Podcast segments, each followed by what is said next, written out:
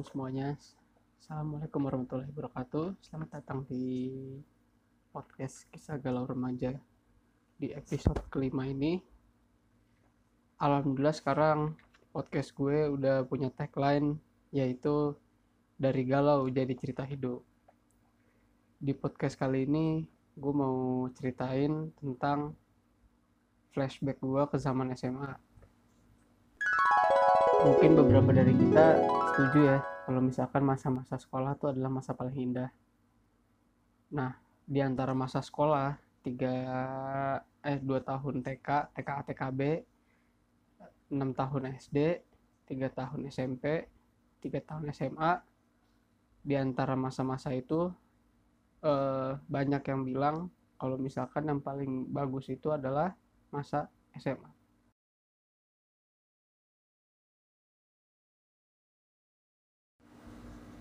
Sebelum gue ngejalanin masa-masa di SMA ini uh, seperti biasa pastinya kan ada penerimaan dulu dong. Ada ujian ada tes dan lain-lain.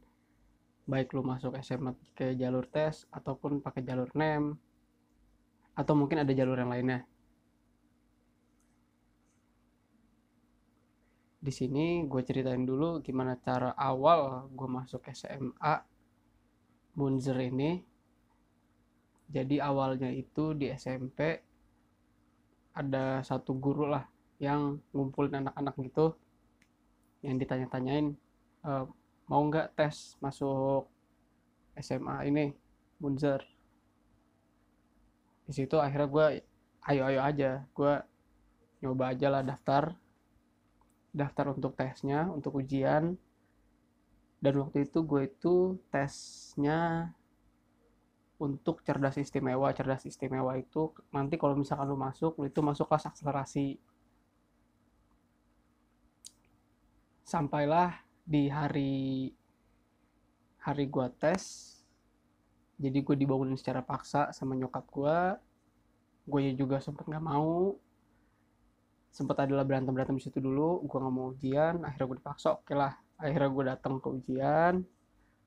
Ujian ujian ujian selesai ujian nunggu hasil. Di nunggu hasil ini biasalah banyak proses. Setelah gue lulus habis itu ternyata hasil ujiannya keluar hasil tesnya keluar. Di situ alhamdulillah gue keterima. Tapi gue keterima bukan di kelas akselerasi. Karena IQ gue nggak sampai 130 untuk lu kelas akselerasi IQ lu itu minimal 130 tapi IQ gue ada di sekitaran uh, sekitaran 120 sampai 129 IQ gue ada di sekitar segitu. Jadi gue masuk ke kelas unggulan.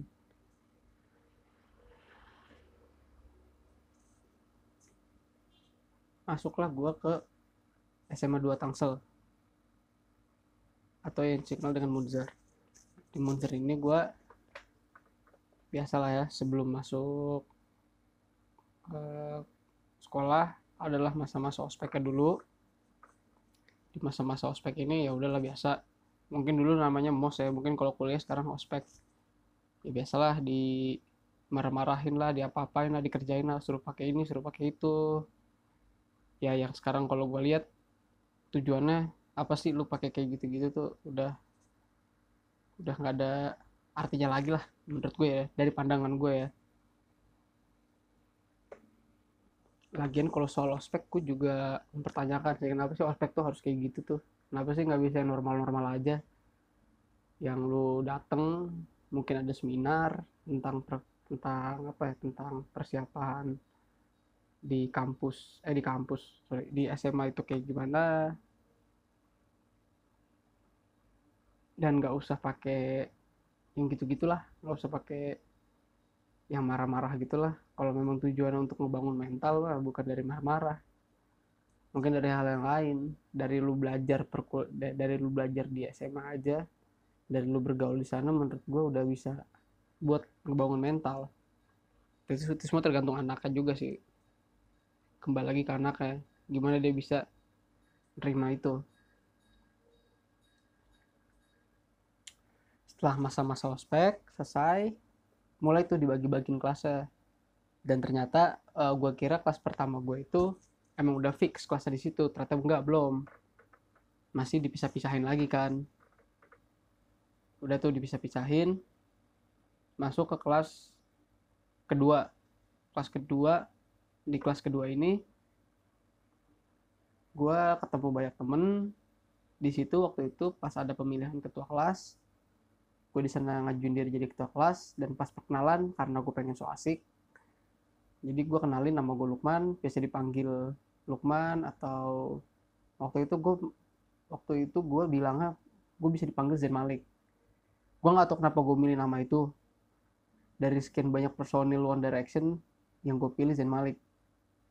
Mungkin karena yang kelihatan Islam tuh dia kali ya jadi gue milihnya dia. Terus setelah berjalan berapa lama setelah berapa lama lagi ternyata kelasku diganti lagi. Pertama kali ganti dua kali ganti ketiga kali ganti. Eh udah jalan berapa lama juga nih berapa minggu gue kira udah fix nih kelas. Ternyata diganti lagi sampai yang keempat. Yang keempat ternyata belum fix juga nih kelas sampai akhirnya terakhir nih pergantian kelima akhirnya gue masuk ke kelas unggulan. Waktu itu nama kelasnya 10 IPA 11 di situ baru itu kelas fix.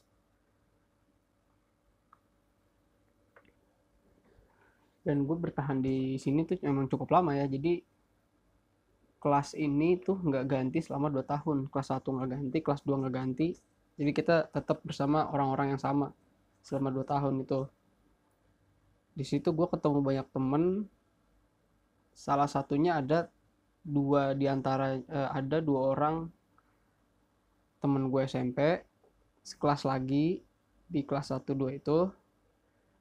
Dan gue juga ketemu ada satu temen gue yang kalau bisa gue ceritain dia ini uh, ilmu agamanya agak kuat lah ya. Ilmu agamanya agak kuat pernah satu momen di mana satu kelas itu ngeforum dia. Satu kelas ngeforum dia nih. Jadi di forum kelas ini tuh ada yang malain. Ada yang malain buat ngeforum dia. Udah setelah itu forum-forum-forum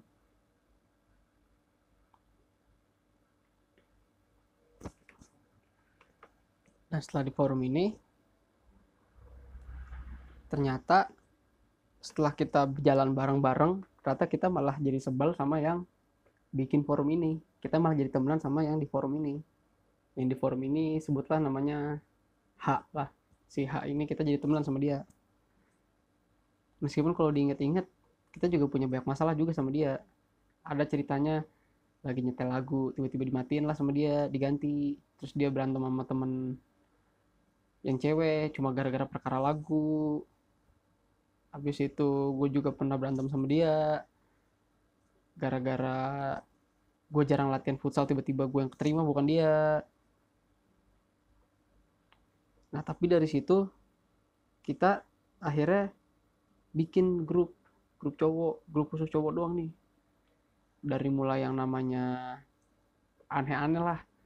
Dari mulai yang kita pakai nama guru buat jadi nama grup sampai sekarang nama grupnya itu anak kuliahan. Dan DP-nya kalau nggak salah tuh gua. Yang, yang jadi DP-nya tuh muka gua. Alhamdulillah sampai sekarang sih masih pada temenan semua masih keep in touch lah.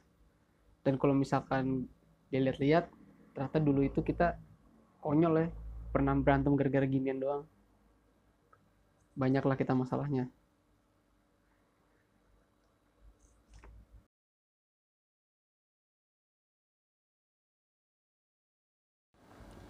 dan selama di SMA ini kan SMA aku di Serpong.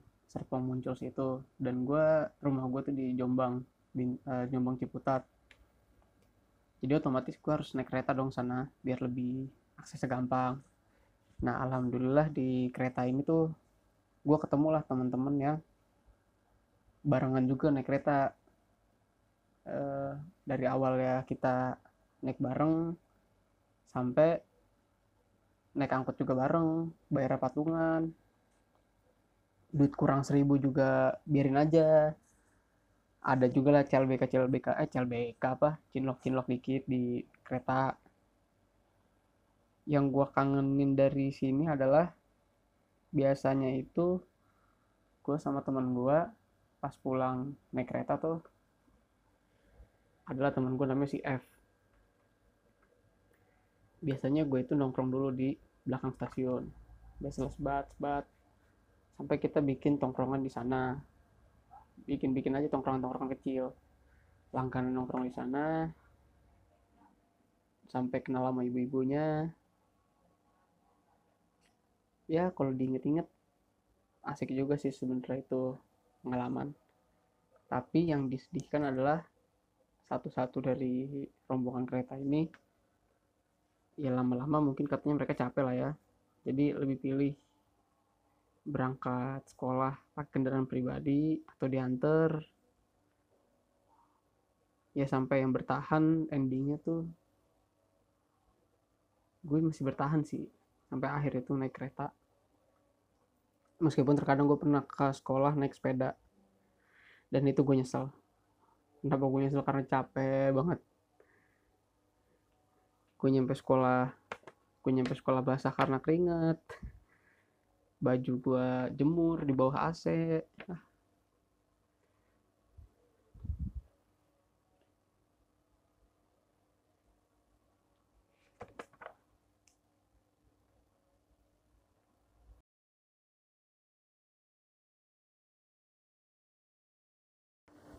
yang pasti di setiap sekolah tuh pasti ada namanya tongkrongan. Gue juga pernah punya pengalaman sama anak-anak tongkrongan. Jadi ceritanya itu waktu itu awal-awal eh, nggak -awal, uh, awal juga sih. Mungkin agak masuk kelas 1 lah kelas 1 tengah. Gue lupa ya ini lagi ada acara apa di sekolah gue terus gue sengaja nggak ikut. Gue nyobalah cabut ke WT sekali tongkrongan gue namanya WT di situ gue ketemu sama anak kelas 3 kenalan ketemu banyak orang dan gue kira serem kan di tongkrongan itu. Tuh ternyata enggak. Atau gue di welcome banget sana. Teruslah akhirnya gue nongkrong di situ sampai kelas 2 sampai kelas 2 sampai kelas 3 awal. Sampai kelas 3 awal. Dari mulai gue nongkrong di WT gue kenal tuh sama kakak kelas gue kelas kakak kelas satu tahun di atas gue dari situ gue diajakin tuh bandel dikit di, di sekolah. Jadi gue coba-coba sebat di atas ini di atas genteng. Ada tuh genteng sekolah kan masih bisa dipanjat dari balkon. Sebat di situ. Pindah lagi. Sebat di kamar mandi kamar mandi cowok. Di ujung. Gue juga pernah ber, ber dua kali tiga kali ya jadi gue gue cabut jumatan. Cabut jumatan ke WT gue malam main PS terus gue juga pernah iseng-iseng cabut sekolah ke sana ke WT gue juga sering selesai sekolah nongkrong di WT dan sampai akhirnya kayak yang tadi gue ceritain di awal di awal. Kelas 3 awal gitu gue mulai cabut dari PT dengan alasan gue punya masalah sama salah satu alumni. Makanya gue cabut dari situ. Tapi sebelum gue cabut ya gue kelarin dulu lah masalahnya. Itu alasan pertama. Alasan kedua karena waktu gue udah kepake buat bimbel bimbingan belajar biasa kelas 3 bimbingan belajar jadi udah nggak ada waktu lagi buat gitu-gituan.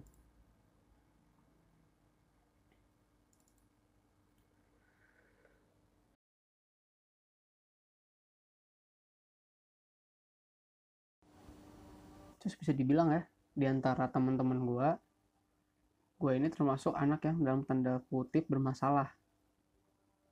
Bermasalah dalam artian biasalah kita kan anak misalnya kita anak-anak anak-anak kelas suka aja gitu main futsal siang-siang.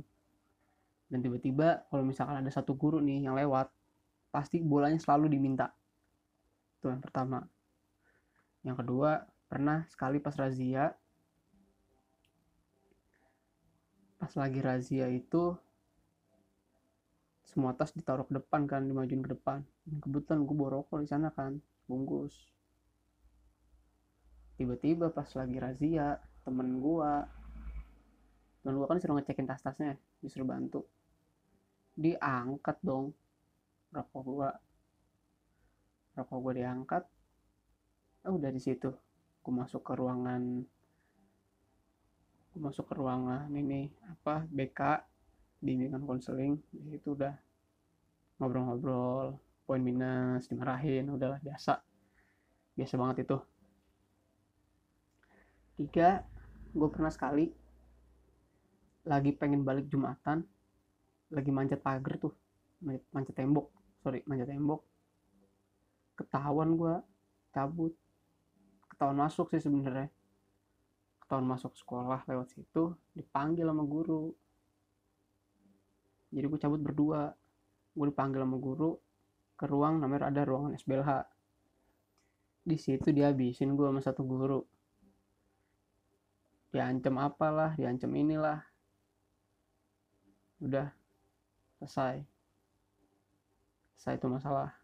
Pokoknya di situ minus school tuh gede banget lah sampai di di apa ya di buku tatip gue tuh poin gue tuh bener-bener dikit lah saking dikitnya sampai kalau misalkan gue nggak bawa topi pas upacara tuh gue bisa do itu analoginya kayak kayak gitu gue juga sering di hari Jumat tuh uh, cabut kelas.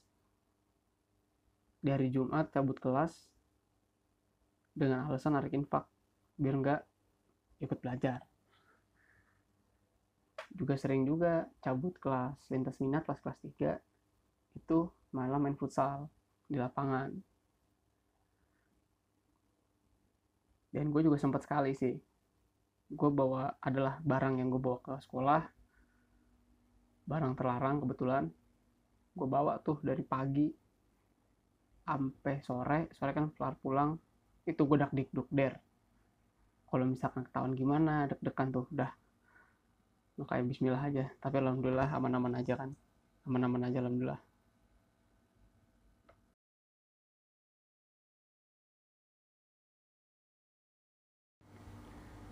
terus jadi selama SMA ini gimana sih mereka semua mandang gue warga sekolah mandang gue yang pastinya gue itu bukan terpandang sebagai anak yang baik-baik. Pasti kalau ada apa-apa yang jelek-jelek yang gampang ketembak siapa? Pasti gue nggak usah gitu deh contohnya gini aja. Kalau misalkan lagi belajar nih pasti kan ada contoh. Suka ngasih contoh apa? Pasti kalau gue dapetnya contoh yang jelek. Nggak pernah gue dapet contoh yang baik kalau misalkan di mata cewek-cewek gue pasti dapet dapet pandangan kalau sekarang mungkin julukannya fuckboy ya. Padahal emang gak gitu-gitu amat. Di mata guru pun gue juga tahu kalau gue tuh dipandang rendah sama guru-guru. Terus apa dong yang gue lakuin? Gue nggak bisa ngubah mindset mereka. Gue nggak bisa ngubah pandangan mereka yang bisa gue lakuin cuma satu waktu itu. Gimana caranya gue keterima di PTN karena kan zaman SMA habis SMA kan masuk kuliah ya. Pasti kan PTN itu adalah segalanya lah. Lu masuk PTN lu lu orang hebat. Akhirnya di situ gue coba buktiin nih.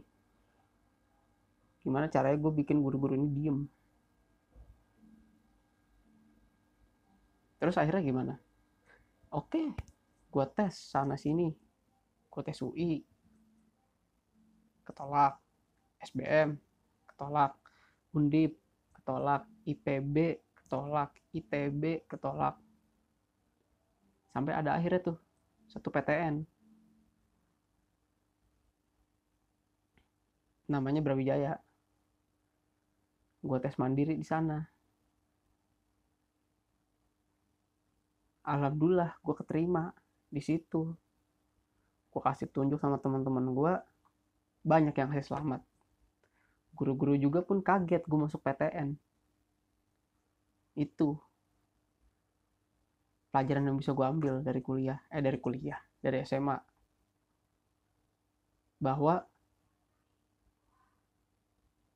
gimana pun orang mandang lo sejelek apa pun orang mandang lo cuma satu yang bisa lo lakuin.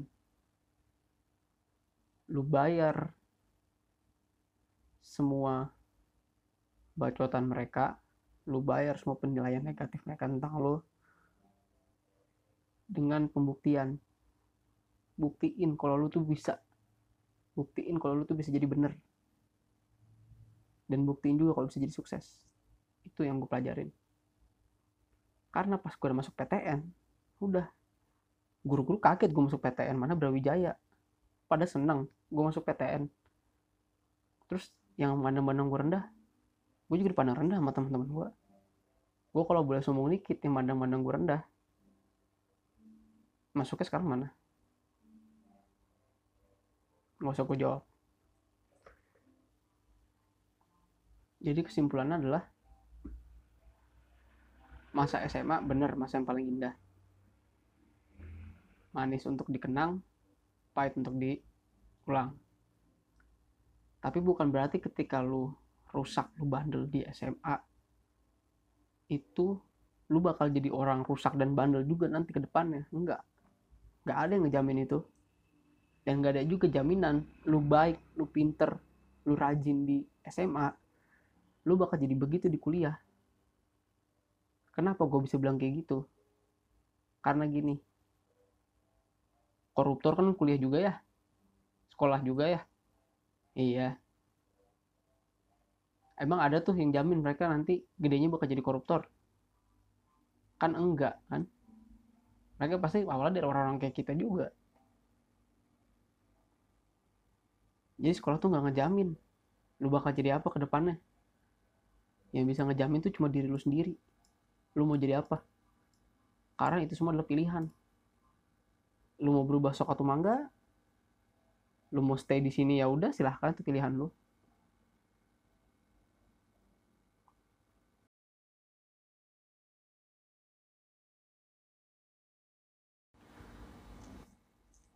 Sekian dari podcast gue dari podcast kisah, kisah galau remaja.